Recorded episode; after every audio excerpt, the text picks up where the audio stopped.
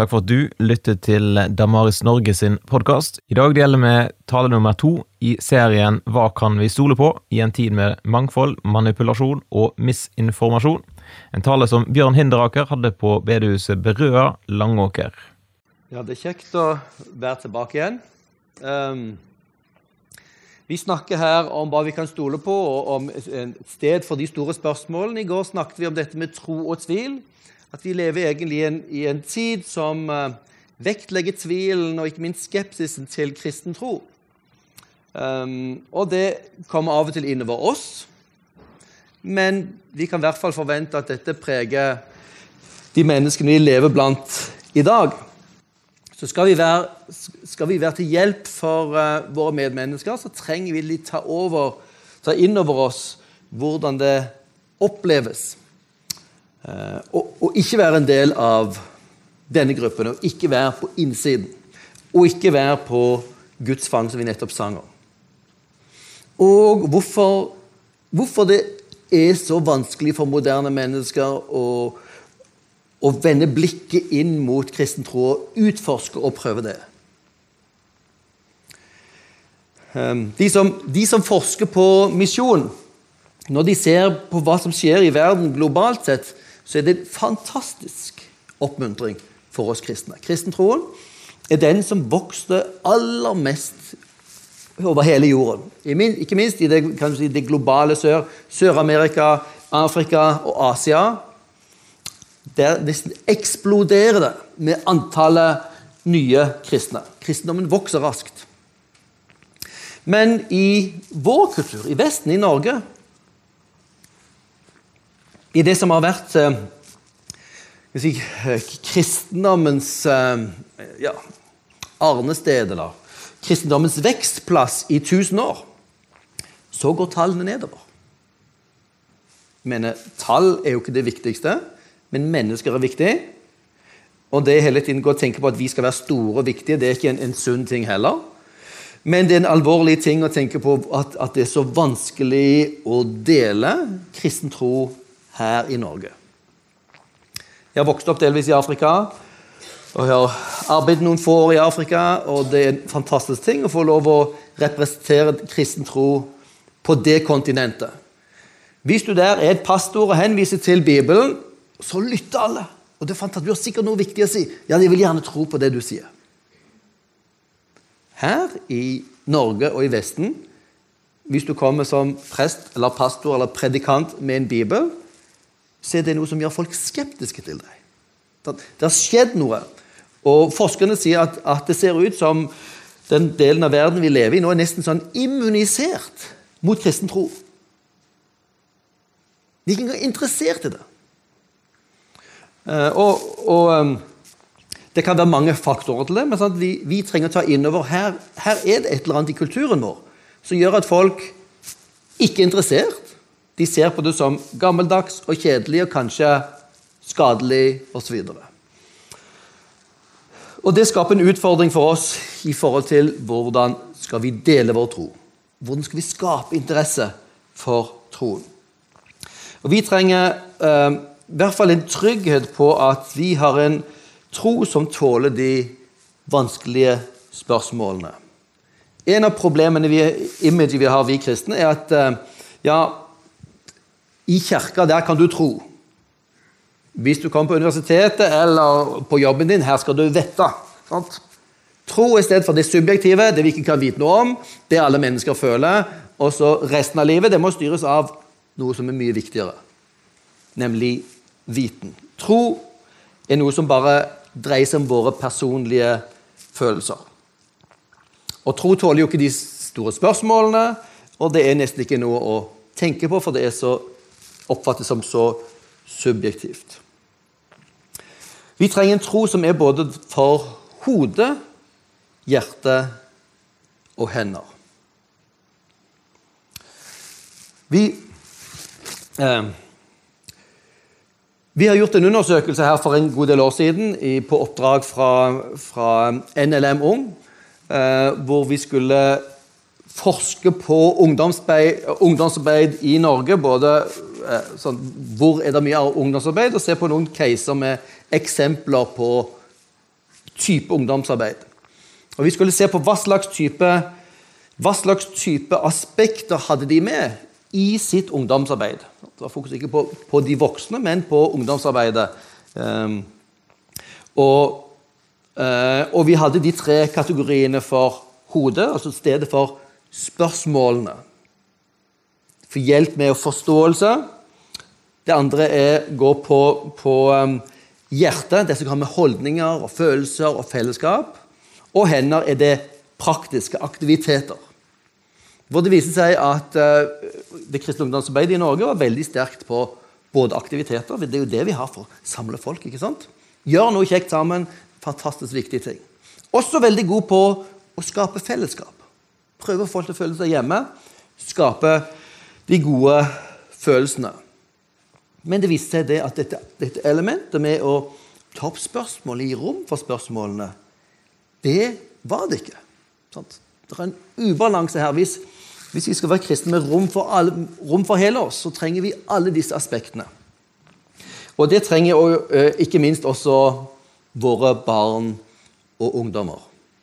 At det kristne fellesskap i den kristne sammenhengen et sted både for å kjenne seg trygg, for å gjøre noe sammen, men også for å stille spørsmålene og tenke sammen.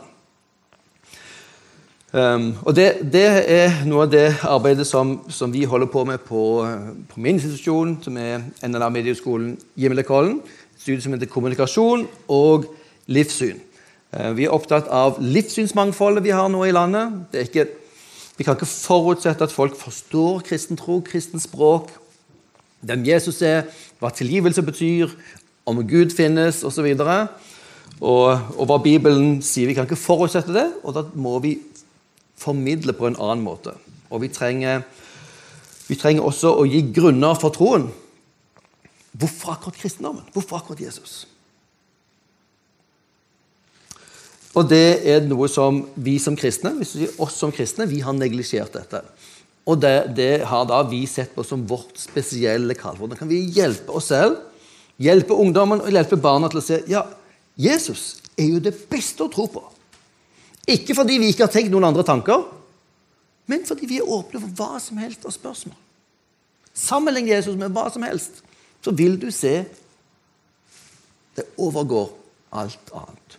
Du trenger ikke krydre Jesus, piffe han opp, eller ta spinn, altså sånn eh, PR-spinn for Jesus, for at han skal stå sterkt. Bare undersøk. Sammenlign med hva du vil. Og så står Jesus trygt og godt på egne ben uten vår hjelp. Jesus hører ikke til bare oss. Jesus kom til hele verden. Vi trenger å åpne og hjelpe folk, utfordre folk til å utforske Jesus. Han er vår Jesus, men han kan utforskes uten at vi er de som gir fasiten. Kom og se.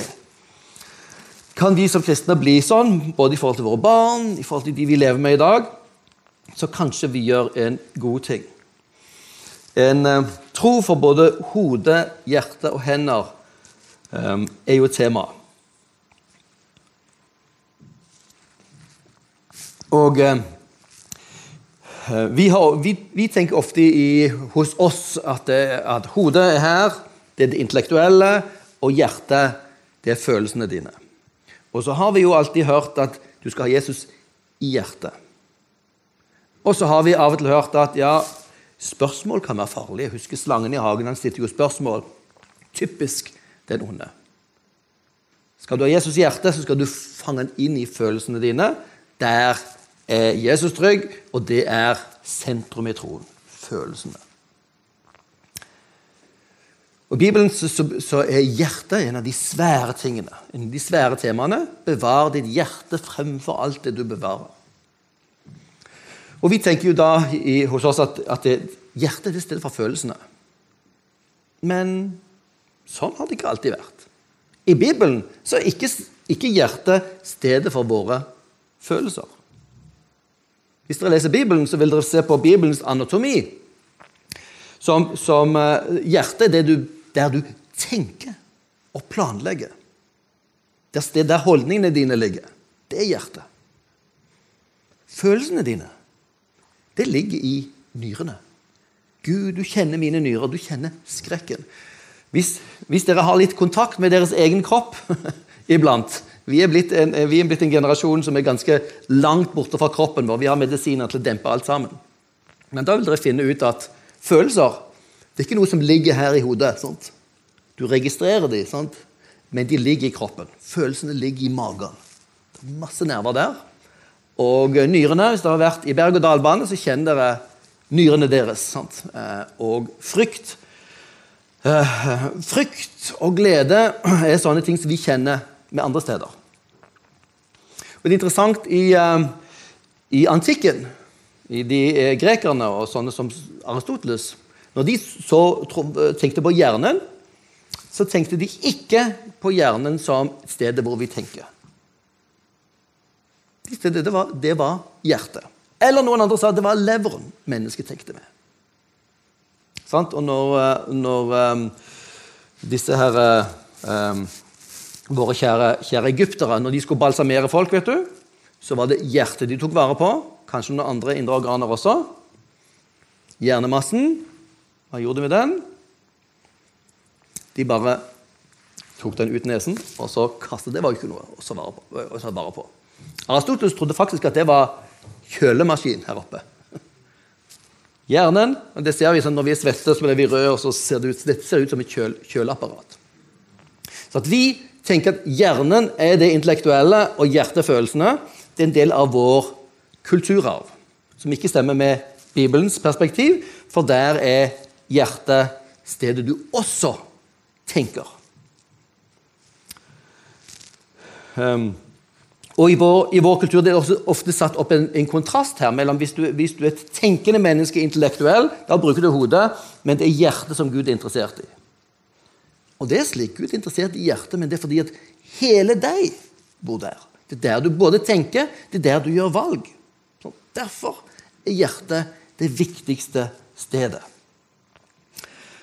Uh, og i uh, i vår sammenheng så trenger vi en kristendom som har rom for begge disse aspektene fra vår kultur. Både det med å tenke, og det med å gjøre valg, eh, og det med å ha et perspektiv og holdninger. Alle de tingene hører bibelsett inne i hjerte, hjertestedet. Og eh, Derfor er det også veldig viktig for Bibelen å snakke om hode og hjerte og forstand. Det, det, største budet i eh, Bibelen finner vi jo i Det gamle testamentet, som siteres nå av Jesus i Det nye testamentet. Og Når Jesus siterer Det gamle testamentet om det største budet Du skal elske Herren til Gud av hele din hjerte, av hele din sjel, av all din kraft, så oversettes det her i Nytestamentet, som er et annet språk, det, er ikke hebraisk, men det er gresk, så oversettes det annerledes. Så i Matteus oversettes det med du skal elske Herren din Gud av hele ditt hjerte, hele din sjel og av all din forstand. Ordet forstand finnes ikke i det hebraiske her. Men han vet at, uh, lytteren vet her at, at det tankemessige synes ikke å fanges opp på gresk når du bare snakker om hjerte og din sjel. Og Det ser vi også i Markus. her. Det står hjerte, hele ditt hjerte, hele din sjel, hele ditt sinn og av all din kraft. Dette med sinnet er stedet hvor vi tenker, hvor holdningene skapes, også hvor valgene våre, gjør, valgene våre gjøres. Så for, for, uh, for, de første kristne og for Jesus var dette med forstanden en kjempeviktig ting. Det er ikke sikkert vi skal elske bare Gud av følelsene våre, men med forstanden. Og faktisk er det ganske vanskelig å styre følelsene. Du kan ikke bare bestemme deg for å elske noen. Sånt. Da lurer du deg sjøl. For å lære å elske noen så er du nødt til å bli kjent med dem. Du er nødt til å begynne å bry deg om dem. Gjør du noe godt for dem, så vil relasjonen bygges opp, og din kjærlighet vil øke. Så kjærlighet vokser og skapes gjennom relasjon. Sånt. Og det er en, en åpenhet og villighet, villighet, til å se på den andre, ha ha empati for den andre, ta det inn over seg. Da skapes kjærligheten, også de gode følelsene. Dere vet at uh, mange, mange, er jo desperate i vår tid i forhold til dette med, med forelskelsen. ikke sant? Forelskelsen kommer, og så Dette er den sanne kjærligheten. Og så, etter noen tid, så forsvinner kjærligheten, og da «Åh, Hva skal jeg da gjøre? Vi elsker ikke hverandre lenger. Og det er faktisk slik at Biologisk sett så kan jo ikke forelskelse strengt tatt fortsette i mer enn tre måneder, sier de, biologisk. Um, ok, Det å være glad i hverandre kan fortsette, men den kjærlighetsrusen som forelskelsen er, den kan ikke biologisk fortsette uten videre. Den må bygge på andre ting etter denne første kjemiske entusiasmen. Vårt følelsesliv er rett og slett noe som ikke vi lett kan styre. Sant? Følelseslivet vårt preges av om vi fikk kaffen til, til morgenen, om vi drømte noe ubehagelig, om vi sov dårlig, sov godt, om barna våre vekket oss. sånt. Dagsform. Følelsene våre er ikke stedet for troen. Jeg nevnte i går uh, dette et sitat fra den store kristentenkeren C.S. Lewis. Når han skulle fortelle hva tro var Tro, tro er det å holde fast på noe du vet er sant. Du har funnet ut at det er sant. På tross av følelsene dine. Følelsene dine svinger. Troen er at du holder fast på det du vet er sant. Tro ikke det å føle sterkt om tingen, men tro er å holde fast på det selv når du ikke føler. Akkurat også som i et ekteskap. Et sunt ekteskap, når følelsene forsvinner, eller til når du blir sint. ok, Vi har forpliktet hverandre til å elske hverandre og gjøre det beste for hverandre. Så gjør vi det beste for hverandre. Og Iblant så er det jo samtaler som skal til. Iblant trenger vi tid, så videre. Men følelsene er ikke det som styrer troen, ikke det som kan styre et ekteskap. Vi trenger bedre forankring. Du skal elske Herren din Gud av hele ditt hjerte, hele din sjel og av all din forstand. Det har vært en av de tingene som jeg og mine kolleger har jobbet med. Hvordan, hvordan kan vi eh, også ta inn over oss de spørsmålene, de tankemessige sidene ved kristen tro.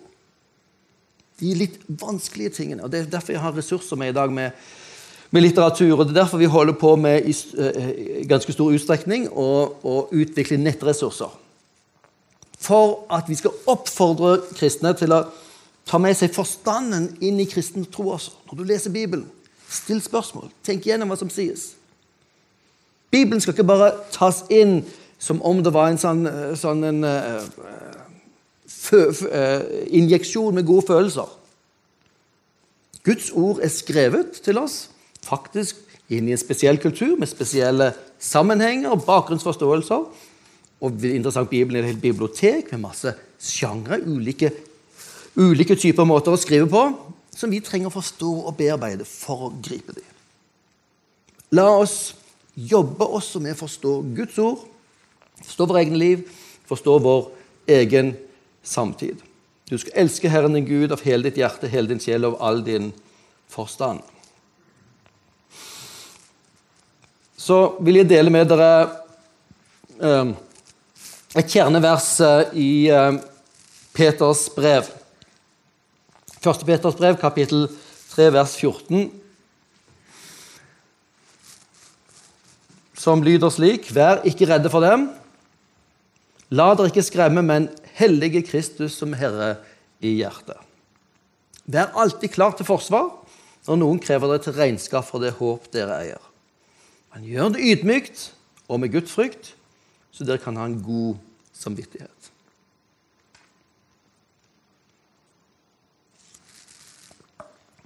Her er det Peter som snakker. Han snakker til en menighet i det som nå er Nord-Tyrkia. Han hadde sett og visste at presset kom til å komme på dem. Og han hadde hørt fra Jesus at forfølgelse kommer til å komme. Og Derfor sier han gjør forberedere på denne veldig vanskelige tiden. Det kommer ikke til å bli lettere, det kommer til å bli vanskeligere. Og Han sier flere ting, ikke minst dette med å leve rett og rent og hellig, slik Gud har kalt oss til. For vi er et Guds tempel. Vi er noe som er verdifullt. Sant? Og Det kristne fellesskapet er en del av dette som, som Gud bruker for å vise verden hvem han er. Så det, det, må vi ta på alvor.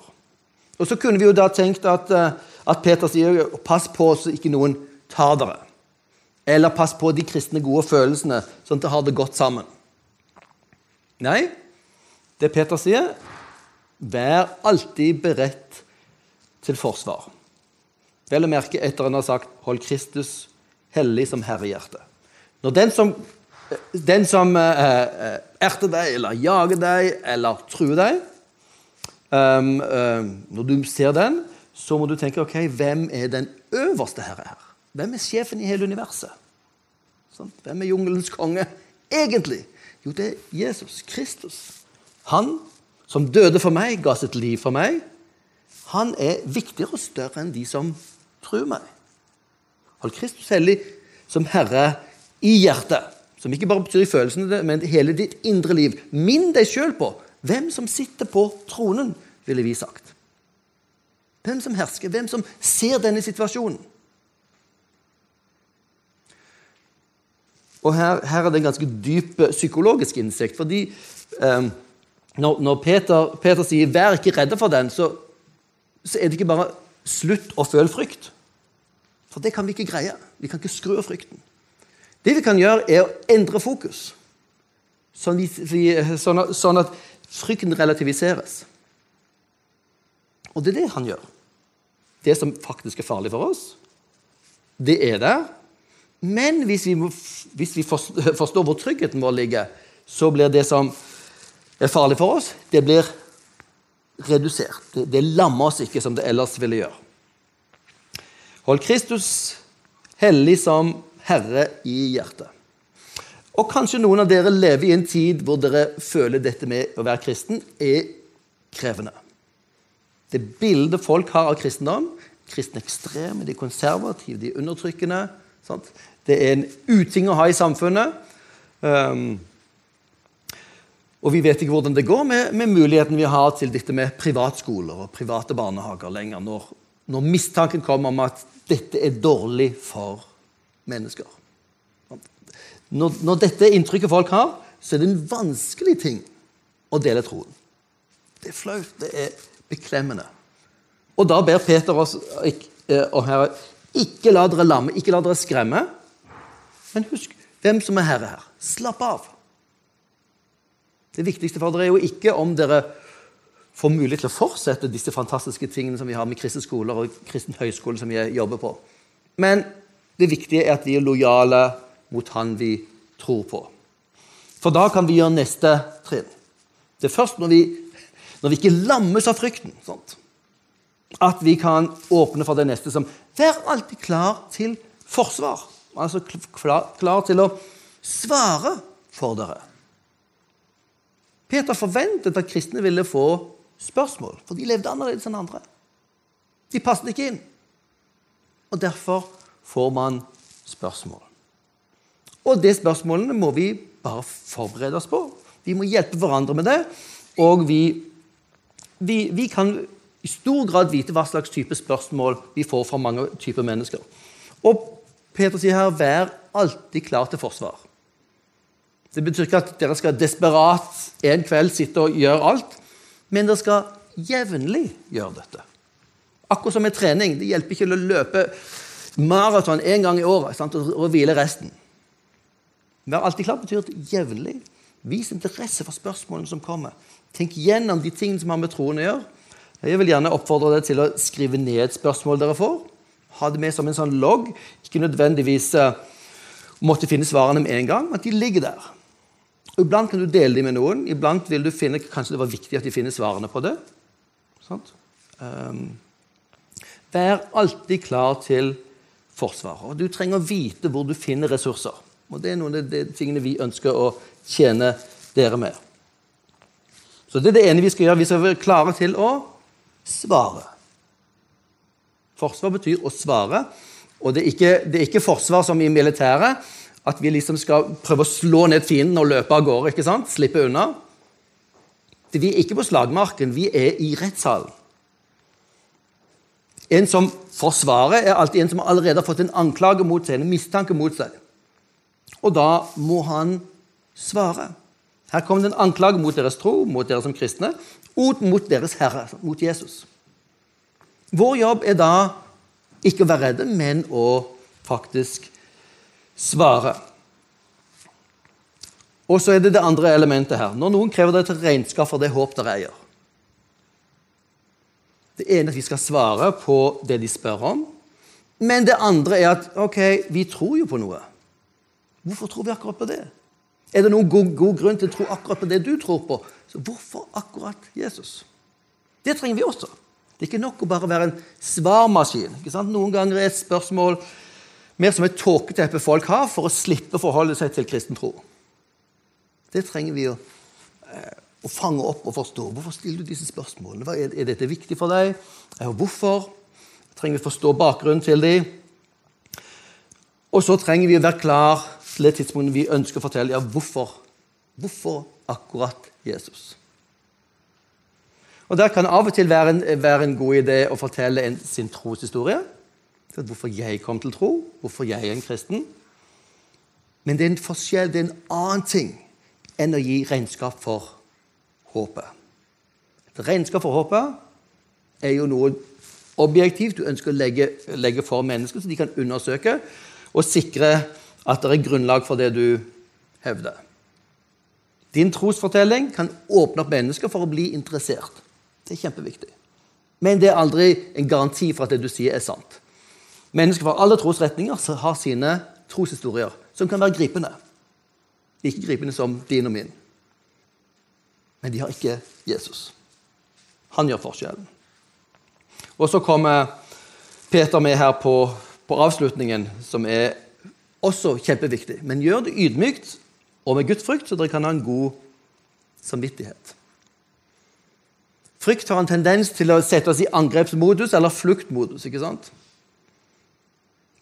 Og hvis vi syns vi kan ha gode svar og gode grunner, så kan vi av og til bli arrogante. Og vi kan begynne å se ned på mennesker som ikke tror på det samme som oss.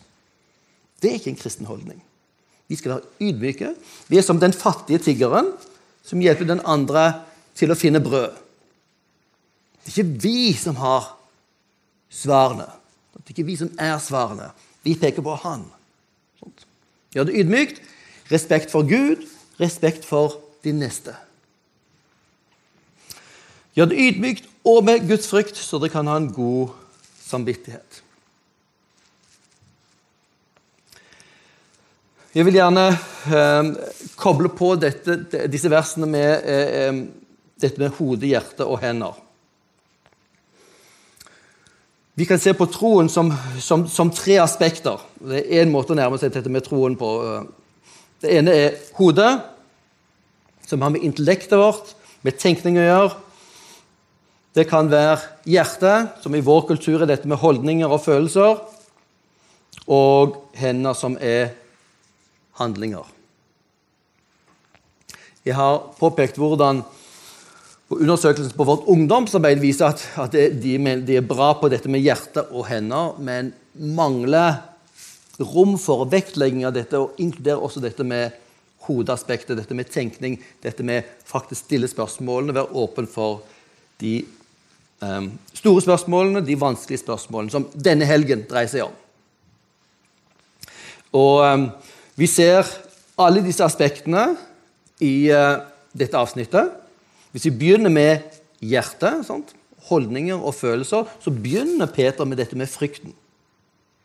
Holdningen til Kristus som Herre, og så også på slutten gjør det ydmykt. Holdning til medmennesker, holdning til Gud.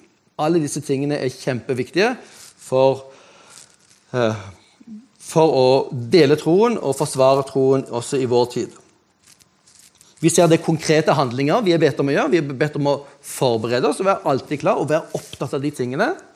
Og vi er bedt om helt konkret å svar. Gi svar. For Du forbereder deg på det, du vet du har noen svar, og da gir du de. Og så trenger du å forberede deg til også å avlegge regnskap for håpet. Det er ting vi skal gjøre. Og så fanges også dette med hodet, intellekt og tenkning opp ved at for å svare så trenger vi å forstå et spørsmål, og hvilket, hvilket svar som, samtale, eh, som samsvarer med hvilket spørsmål. Og Det er også med å avlegge regnskap for håpet. Det krever tankemessig arbeid fra oss, og alle disse tre tingene er en del av det vi er kalt til. Den kristne troen er bred for hele mennesket. Det trenger vi å fange opp. Vi trenger ikke minst å på nytt hente inn dette med, med hodeaspektet i kristen tro. Nå vil jeg gjerne dele en, en, en, kort video med dere. Uh, som er lagd ut fra denne boken her, 'Trenger troen forsvares', som min kollega Stefan Gustafsson har skrevet. Det er en uh, programerklæring fra kristen apologetikk, kristen trosforsvar. Og dette er ment å være en slags alarm. Nå må kristne våkne, sier han. Um, han er fra Sverige, og første del av boken er en analyse av hva som har skjedd med Sverige. Hvor katastrofal situasjonen er i de svenske kirkene og svenske menighetene, og hvor mye av grunnen er at de kristne har ikke villet forholde seg til spørsmål de har fått fra kulturen. Ganske aggressiv, sekulær kritikk som man bare sa ja, nei, vi, vi bare tror. Mens man hadde kunnet faktisk gi respons og vært en del av den, den, offentlige samtalen og kunne holde fast på en klassisk tro i møte med spørsmålene. Han sier her vi, vi som er kristne, trenger å gjenoppdage dette aspektet ved kristen tro. Som hører til den kristne troen helt fra starten av. Og la oss se Kristen tro startade i Jerusalem. Veckorna efter den dramatiske avrättningen av Jesus og hans uppståndelse fra de døde så framträder hans lärjungar og börjar proklamera evangeliet om Jesus. Under de efterföljande decennierna så är Jerusalem den självklara utgångspunkten för den växande kristna rörelsen. Men efter Jerusalems fall så flyttas gradvis centrum mer norrut och mer västerut. Och sen under de kommande århundraden, faktiskt under årtusenden, så kommer det som vi idag kallar för Europa att vara den kristna trons utgångspunkt. För oss här i de nordiska länderna så har vi haft kristen tro här i mer än tusen år. Missionärer från England, missionärer från Tyskland förde evangeliet hit. Och våra länder har varit djupt präglade av evangeliet om Jesus Kristus. Det har förstås varit eh, både perioder av framgång och perioder av nedgång eh, och problem. Men den kristna tron har varit central för våra kulturer och för människorna här. Men någonting har hänt. Under de senaste 50-60 åren så har den kristna tron börjat tappa mark. De kristna kyrkorna dräneras. Om man tittar på statistiken så på många håll så går det idag åt fel håll. Församlingar minskar, antalet missionärer minskar, åldersstrukturen är inte positiv. Ändå har det varit förvånansvärt tyst om kyrkans kris. Jag kan förstå mekanismen. Vi vill gärna titta på de positiva exemplen och visst kommer människor i tro, till tro. Visst finns det församlingar som växer. Visst finns det mycket som är uppmuntrande som Gud gör och vi behöver höra om det. Men vi behöver också se sanningen i vitögat när det gäller det som är problematiskt. Det är först om vi vågar se problemen och förstår vad som orsakar problemen som vi kan börja söka efter lösningar. Det här finns som en bakgrund till att jag har skrivit boken Behöver tron försvaras? Manifest för kristen apologetik. Jag vill verkligen se situationen i vitögat. Varför backar kristen tro i de nordiska länderna, i västvärlden? Och finns det något vi kan göra åt det? För den som är kristen och tror att Gud är en verklighet, som är övertygade om att Jesus är uppstånden, så behöver man inte vara rädd för att se på problemen. Därför att situationen, hur mörk den än är, är aldrig förtvivlad. Det finns möjligheter till förändring och därför behöver man inte vara rädd för analysen. Och det är den analysen som är inledningen till Behöver tron försvaras?